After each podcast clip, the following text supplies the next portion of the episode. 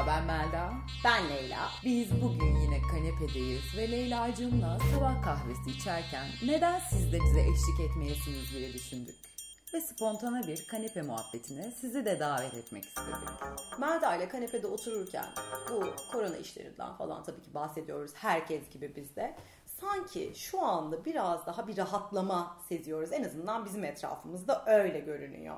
İnsanlar böyle yavaş yavaş karantinalarını birkaç eve dağıtmaya, böyle e, Esneme dönemi. esneme dönemine evet geçmeye başladı gibi görüyoruz. Leyla'cığım biz seninle iki aydır görüşmüyorduk ve sadece iki haftadır görüştüğümüzün farkında mısın? Biz Evet. bile esnedik. Evet. Yani bir iki kişiyle görüştüğümüz çemberi bir on kişiye genişlettik aslında bu dönemde. Evet nasıl olacak acaba bundan sonra? Mesela şöyle bir şey olacak mı mesela ilişkilerde? Sen karantinanda 10 kişiyle görüşüyorsan eğer o 10 kişinin içerisinde 30 tane arkadaşın varsa geri kalan 20'sine ne cevap vereceksin mesela? Ya mesela ben şöyle bir ikilem yaşıyorum. Karantina döneminde kendimi mümkün olduğunca steril tutmaya çalıştım. Ama çok yakın arkadaşlarım bunu çok da ciddiye almayarak gezmeye devam ettiler.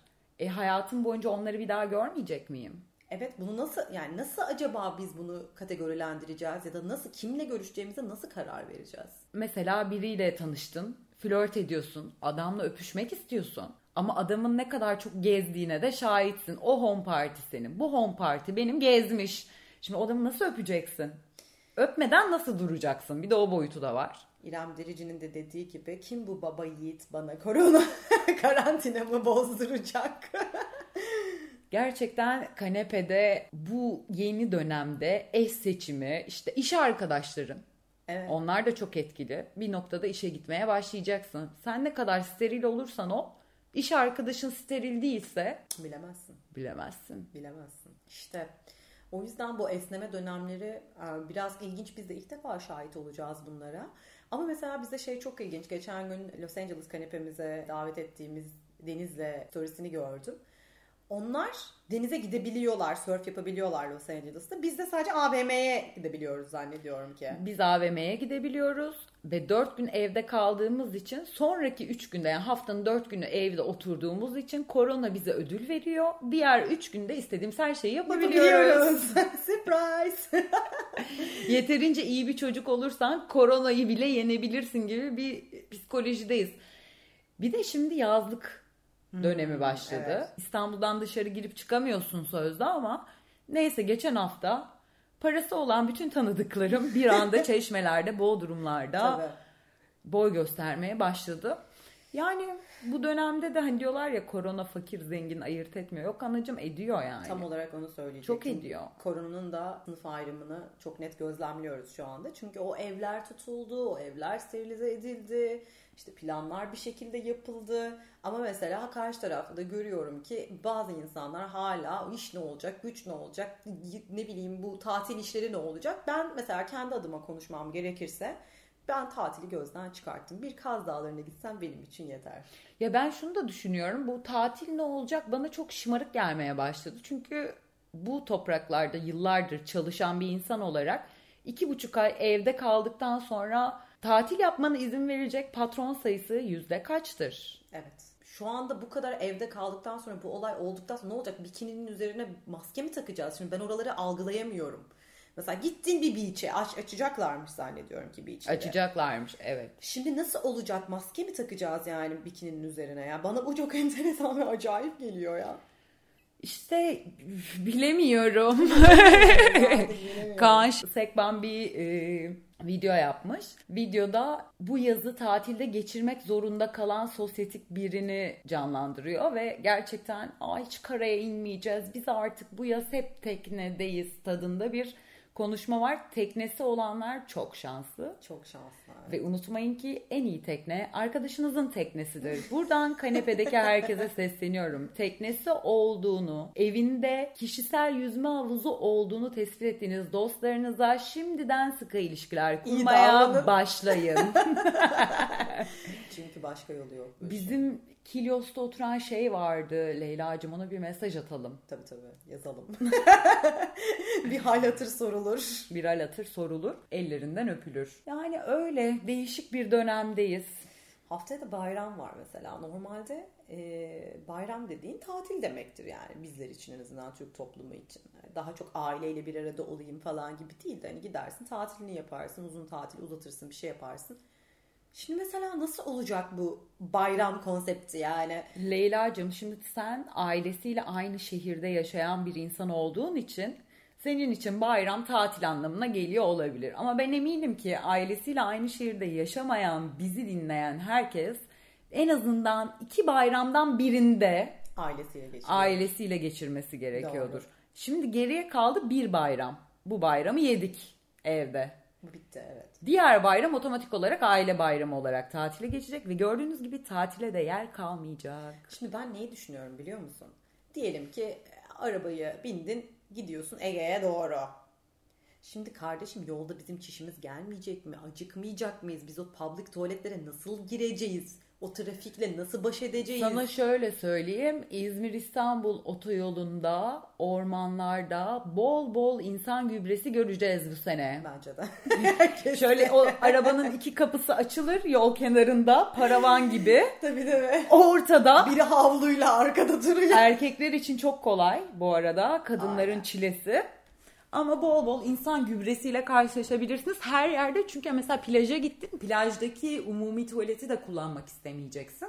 Gene sağa sola çukurlar kazarak falan mı? Bilemiyorum ki. Arkadaşlar bu sene tatil bence olmayacak ya. Yani yapamayız bunu. Düşünsene yani sen gidiyorsun X bir işte beach club'a. Tuvalete giremeyeceksin ya. Ne yapacaksın ki? Denizden geçmiyor. Okey anladık bunu. Bence herkes dediğin gibi burada biraz maddi şeye de bağlı. Kendi evinin havuzu vardır. Kendi evinin kendi koyu vardır falan. Oradan öyle takılırsın ama geçtiğimiz yıllardaki gibi şen şakraklı bir şey olmayacak. Allah bana bu yaz yazlık nasip ederse eğer umarım eder. e, Ben sabah 6'da gün doğumunda yüzüp evime dönmeyi düşünüyorum mesela. Gene bir karantina. Herkes benim sonuçta. gibi düşünürse sabahları Full komple. komple Aşkım kalkamaz senin kadar kimse. Herkes sabah beni 6'da. geçemezler. Gerekirse 5'te kalkarız çünkü biz. Onlar 6'da kalkarsa biz 5'te kalkarız. Geçen gün Londra kanepemize ışınlanan Aycan Koptur'la dedi ki karşılıklı şöyle bir risotto yapalım. Herkes kendi evinde yapsın ondan sonra buluşalım. İşte Melda, Leyla, Aycan ondan sonra hep beraber bir sohbet edelim dedik. Şimdi zaten saat farkı var. Bir de üzerine Jenerasyon farkı var. jenerasyon farkı var. Çok tatlım Aycan Koptur 20'lerinde, Leyla Melda 30'larında, artı Londra İstanbul saat farkıyla biz uyumaya başladığımız anda Aycanlar hadi hazırlayalım dediler. Evet biz uyuduğumuzda sabah uyandığımda risotto resmini gördüm mesela yapmış. ya Paralel evrende biz de 5-6 saat önce yapıp aynı şeyi yemiştik. yap. Öyle şeyler var. Şu an gerçekten dinamikler çok değişti. Bundan sonrası nereye gidecek? Herkesin kafasında soru işareti. Bana böyle sürekli geliyor sorular. Mesela şunu düşünüyorum. Biz gerçekten temiz bir toplumuz. Yani gerçekten ev ayakkabıyla girenimiz az. işte ne bileyim herkesin evinde çamaşır suyu vardır. işte herkes elini yıkar. Temiziz yani. Herkes evinin önünü süpürür. Mesela geçenlerde rotasız seyyahın Afganistan Karachi şehrinde bir vlogunu izledim seyahatini. İnanılmaz insanlar kaldırım kenarlarındaki çukurlara kakasını yapıyor ve sen yanından kaldırımdan geçiyorsun ve bu normal. Mesela oralarda bu virüs herkesi öldürmüş olmalı. İşte belki de bağışıklık sistemleri bu sebeple yukarıda olduğu için öldürmüyor da olabilir. Kafalar çok karışık. Kafalar çok karışık yani böyle bir şeyin geleceğini hiç tahmin edemezdik gerçekten. Şimdi bundan sonra yeni düzene adapte oluyoruz mesela ilişkiler de bununla şekilleniyor. Gerçekten daha kıymetli oluyor. Kiminle görüşeceğini seçtiğin ya hakikaten değen bir birisiyle görüşmek istiyorsun. O çeperini ona göre tutmak istiyorsun. Bakalım bize nereye götürecek bu iş? Ben de şöyle bir kafa oluştu. İşte değen biriyle görüşmek. Şimdi çok seçiciyiz ya az kişiyle görüşebiliyoruz. İşte 15 dakika şunu göreceğim, ayaküstü konuşacağım diye hiç o riske değmez. Ateşlenip paranoyalara girmeye değmez falan diyoruz. Ama bir yandan da o yüzeysel ilişkiler de bizim hayatımızı besliyor. Ben en çok neyi özledim biliyor musun? Sokakta biriyle karşılaşıp ayaküstü bir sigara içmeyi özledim. Kahve içersin mesela yarım saat bir kahve içelim dersin yani. İş çıkışı Bunlar- kahvelerini özledim ve samimi olmadığım insanları özledim. Ben çünkü samimi olduğum insanlarla işte house party'den şundan bundan Sürekli oradan iletişim buradan iletişim halim. Ben yüzeysel ilişkiler kurduğum insanları özledim. Sana o kadar çok katılıyorum ki yani ne eksik ne eksik diye düşünüyordum evet. Çünkü gerçekten e, hani birinci çeperimde görüştüğüm herkese zaten olması gerektiğinden fazla iletişim halindeyim bu süreçte. Ama bir şey eksik o da senin işte günlük rutinlerin. Ne bileyim bir sevdiğin kafeden gidip kahve almak, o metroya yürümek, o mahalleden geçmek, işte e, birinin biriyle camdan konuşmak ya da artık neyse senin rutinin. Bunlar yok mesela. Yok. Ama olacak bence ya. Bayramdan sonra birazcık daha eski halimize döneceğiz gibi görüyorum. Bir de bireysel olarak sosyal mesafeyi korumaya çalışmak mümkün bir şey değil. Yani mesela e, geçenlerde markete gittim. Arkamda kuyruktaki adam dibimde duruyor ve birazcık sosyal mesafenizi ayarlayabilir misiniz dedim. Bir söylenmeler, bir homurdanmalar falan böyle sosyolojik dertlerimiz yani de olacak. Uğraşılmaz ki ama yani. Mücbir ve, sebep sonuç olarak. Ve işe nasıl gideceğiz? İşe nasıl gideceğiz? Evet. Arabası olmayan ne yapsın? Yemin ediyorum aylardır şu mahalleden dışarı çıkmadım. Araban olmayınca hiçbir yere gidemiyorsun. Evet evet. Ki biz arabanın olmamasını büyük bir rahatlık olarak insanlara ay benim arabam yok, derdim yok, bilmem nem yok. Zaten merkezde oturuyoruz, herhangi bir sıkıntı yaşamıyoruz diye havalı havalı konuşurken şu anda geldiğimiz noktada arabası olan arkadaşlarımın listesi. tam liste. Havuzu olanlar tam liste, arabası olanlar tam liste. Tabii tabii. Teknesi olanlar öyle. yani ne kadar zaten bir liste olabilir. Listeleyemeyeceğimiz kadar arkadaşımız vardır. Kesinlikle ya. O ben bir de mesela şeyden çok sıkıldım. Online konser, online parti. Ya bunu yapmak istemiyorum gerçekten artık. Ve bir de böyle mesela şey yaşamaya başladım. İzlenecek şeyler bitti. Ya hiçbir şeye karşı bir böyle artık yükselemiyorum. Dün ben mesela büyük bir kriz geçirdim. Artık dedim bu evden çıkmak zorundayım yani. O çıkmama şeyi oldukça insana hani bu evden benim çıkmam lazım yani bir şekilde. E, zannediyorum ki hani diyorlardı ya insanlık çok kolay unutuyor. İşte ne bileyim bunları bir noktada geçeceğiz falan. Belki de genç olduğumuz için de olabilir. Yani ben açıkçası kendim adıma korkmuyorum. Hani hasta Genç miyiz? Yani genciz koronaya göre sonuçta. Değil miyiz? Öyleyiz bence. Emin olamıyorum. Öyle, oldu, öyle olduğumuzu umuyorum ben. Ama e, yani tabii ki de bir konser arzum yok. Öyle bir şey olmayacak ama online konsere de katılmak istemiyorum ya. Leyla'cığım kesmiyor. Dün arkadaşının köpeğini ödünç almaya çalıştığın anları kanepedekilerle paylaşmak ister misin? ya o kadar çok evden çıkıp böyle bir tur atmak istedim ki. En sonunda e, yan sokakta oturan arkadaşımın bir köpeğini ne olur ben gezdirebilir miyim diye sordum. Yani artık köpek mi kiralasak ne yapsak hani arada köpek gezdiriciliği mi yapsak?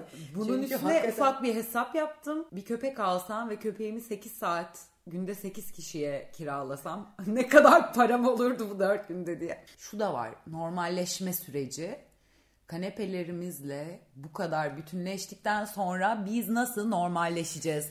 Ya normalde ah. atıyorum uyanıp hemen duşa girip üstünü değiştirip pat diye evden çıkmaya programlanmış yılların ardından ilk defa bu son iki buçuk aydır sabah kalkıyorum böyle yavaş yavaş dişimi fırçalıyorum yüzüme bakımlar yapıyorum saçıma kremler sürüyorum bacaklarımı kremliyorum işte efendime söyleyeyim ev kıyafetimi giyiyorum kafama bir şey bağlıyorum Hani rutinlerim oldu evde. Evet. Kahvemi koyuyorum. İşte bilmem mücbir sebepleri izliyorum. İstediğim saatte uyuyorum. istediğim saatte uyanıyorum.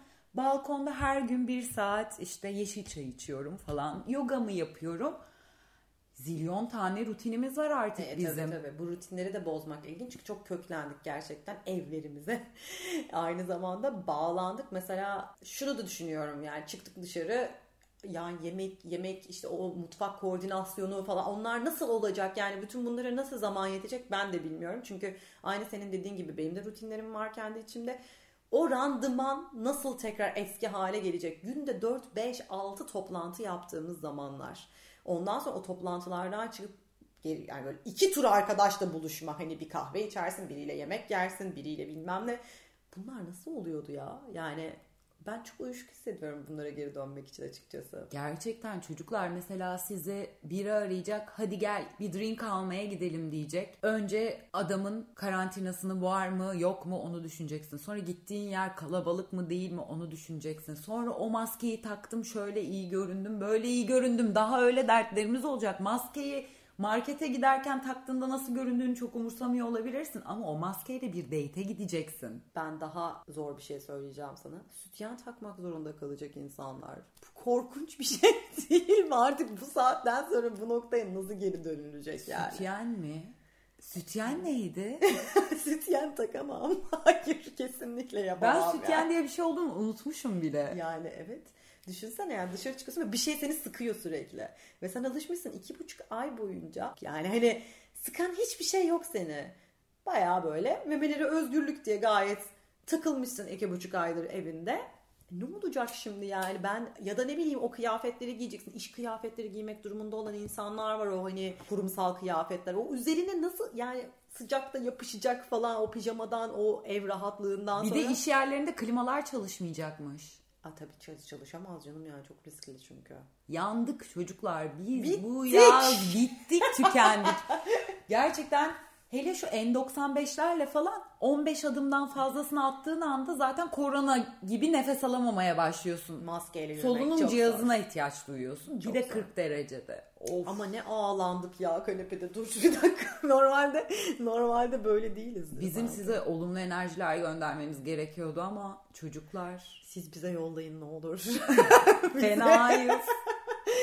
Ya em, ya yine de bence tabii ki de bu karantina döneminde hepimiz farklı farklı kafalar yaşadık. Bir sürü şeyle yüzleştik. Bir sürü şey öğrendik. Bence bayağı geliştik. O bambaşka bir şey.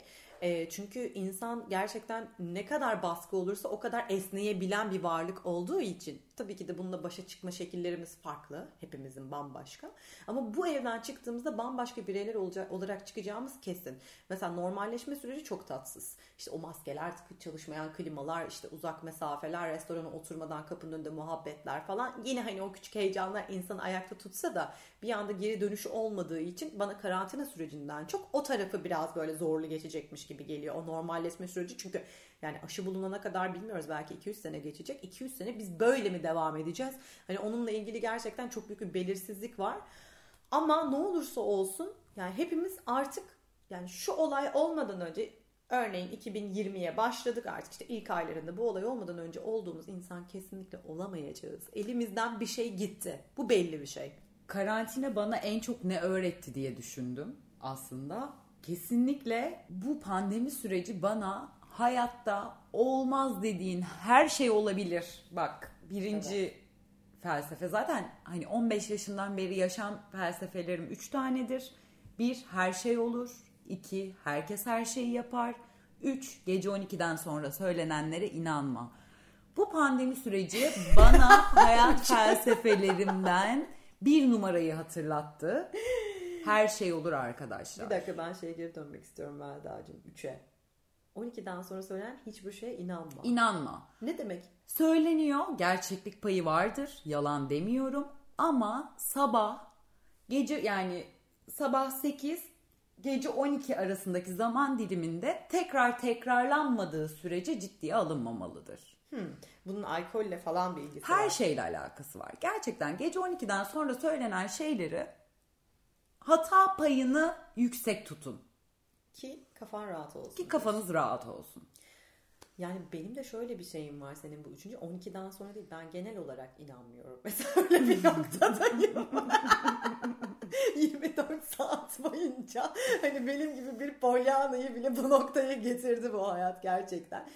İnsanlar çok değişti ya. Seninle zaten uzun uzun konuşuyoruz bu sosyal durum, toplum, değişen ilişkiler, işte insanların e, yaşama şekli mesela bana acayip gelen şeylerden bir tanesi bu evlilik kurumunun ya da ilişkilerin işte kız arkadaş, erkek arkadaş, sevgili partner ilişkilerinin yaklaşık bir 20 sene, 30 sene önceye göre tamamen çevresinin değişmesi, kurallarının değişmesi, artık normalinin farklı olduğu bir noktaya giderken biz hala o jenerasyondan olduğumuz için annelerimiz babalarımızdan öyle gördüğümüz için buna adapte olamıyoruz mesela. Olamıyoruz. Olamıyoruz ya. Aslında mesela şöyle demeyi artık tercih etmiyorum. Ay dışarıda da işte e, normal insan kalmadı. Artık yeni normal dediğimiz o kavram var ya yeni normal bu. Biz onu bir türlü algılayamıyoruz bence. Yani diyorsun ki ilişkilerde de bir pandemik virüs oldu. Evet. Dört bir yanımızı sıçraya sıçraya sardı. Evet. Ve artık toplum bağışıklığı kazandık. Evet. Yeni normalimiz bu. Bu. Yani. Yaklaşık bir 10 sene önce bu pandemi yaşandı. İlişkiler konusunda İlişki bence. virüsü. İlişki virüsü. Mesela Melda hayatındaki insanları düşündüğünde yüzde kaçı sağlıklı bir ilişki yaşıyor sence? Şimdi önce yüzde kaçı ilişki yaşıyoryu konuşalım. İlişki yaşayan. Onu ayrı bir başlıkla konuşuruz da ilişki yaşayanlar içerisinden yüzde kaçı bunu kanepedeyiz de dinleyenlere de soruyorum. Etrafınıza bir bakın. Kafanızdaki sağlıklı kavramı yani ailelerimizin bize öğrettiği, bizim toplumdan öğrendiğimiz sağlıklı kavramına uyan ilişki etrafınızda kaç tane var? Şimdi birkaç kişiyi düşündüm. Sonra fark ettim ki onlar boşandı. Gibi mesela. Yok ya örnek veremeyeceğim ama yani bu yüzyılda gerçekten bir şeyler değişti. İlk 20 yılında biz geçiş sürecini yaşadık galiba. Şimdi 2020'deyiz. Bundan sonraki 20 yılda da bunun sosyolojik taşları yavaş yavaş oturacak galiba. Ben buradan kanepedekilere bir Amazon Prime'daki Upload'u bir de BBC'nin dizisi Years and Years'ı izlemelerini öneriyorum. Önümüzdeki gelecekte, yakın gelecekte bireysel hayatlarımızda neler olabileceği, teknolojik gelişmeler çok fütüristik diziler. Gerçekten izlemelerini öneriyorum. Biraz bakış açım değişti her şeye. E, Years and Years'ı izledim ama diğeriyle alakalı soruyorum. E, Black Mirror tadında mı? Çünkü o beni çok ürkütüyor gerçekten ya. Upload biraz Black Mirror tadında Ah ya. ama spoiler vermek istemem. Verme. Yok onu izlerim ama yani... Daha basit bir dizi ama yani hani daha eğlenceli. Ha. Ya Black Mirror'da mesela yani birçok insan izlemiştir. Hakikaten yani onları gördüğümüz zaman hayatımız içinde ben mesela şeyi düşünüyordum. Bir tane işte bir şey izliyorsun orada teknolojik bir gelişme işte o şeyi beni çok etkilemişti.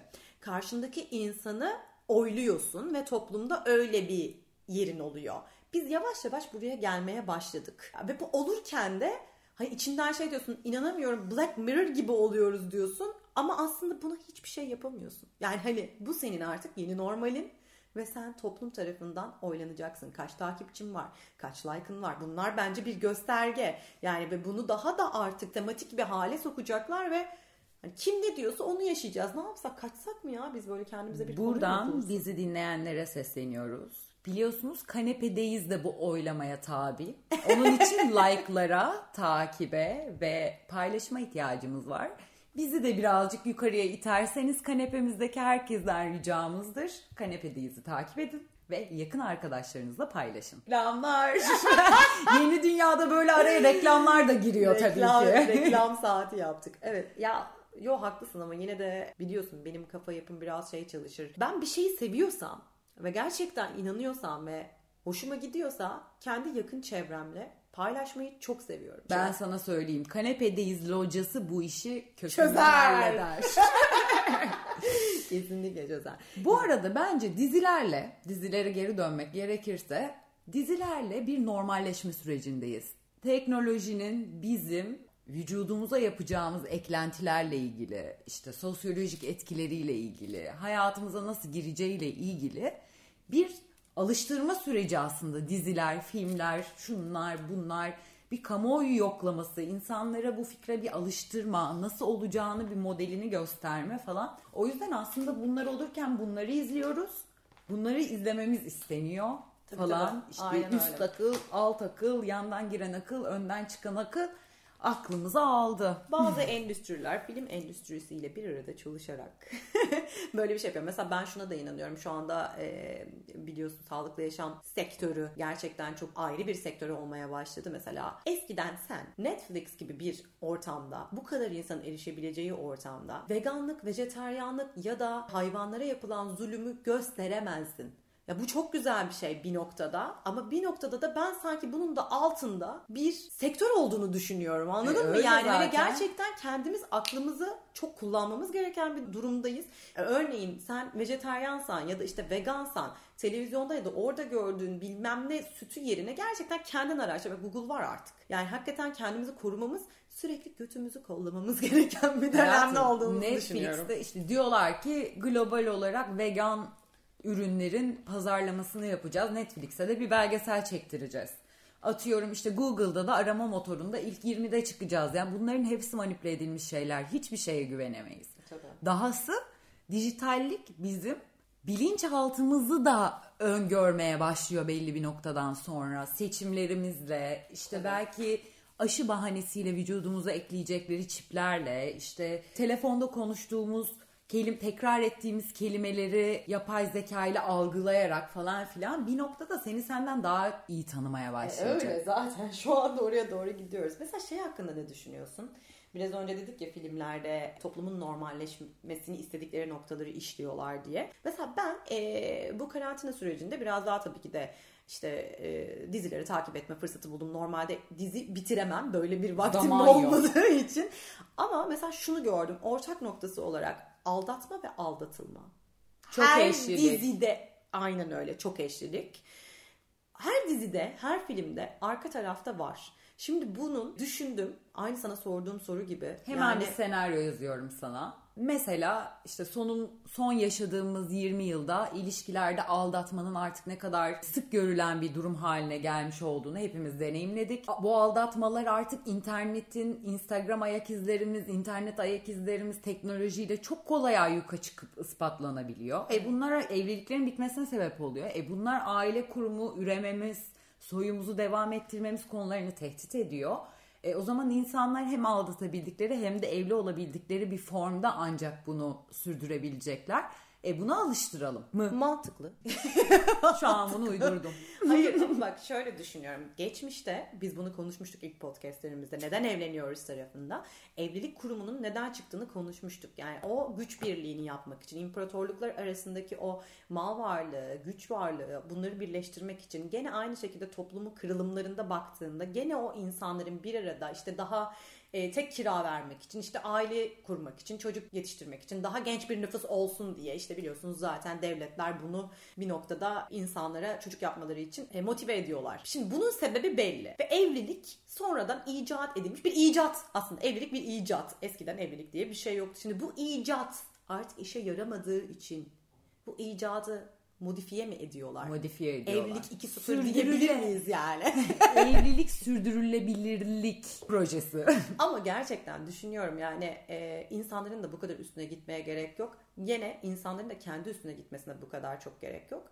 E, bunu yanlış anlaşılsın istemiyorum burada konuşunca ama birçok evli arkadaşım ya da etrafımda gördüğüm insanlar evliliklerinden mutsuzlar.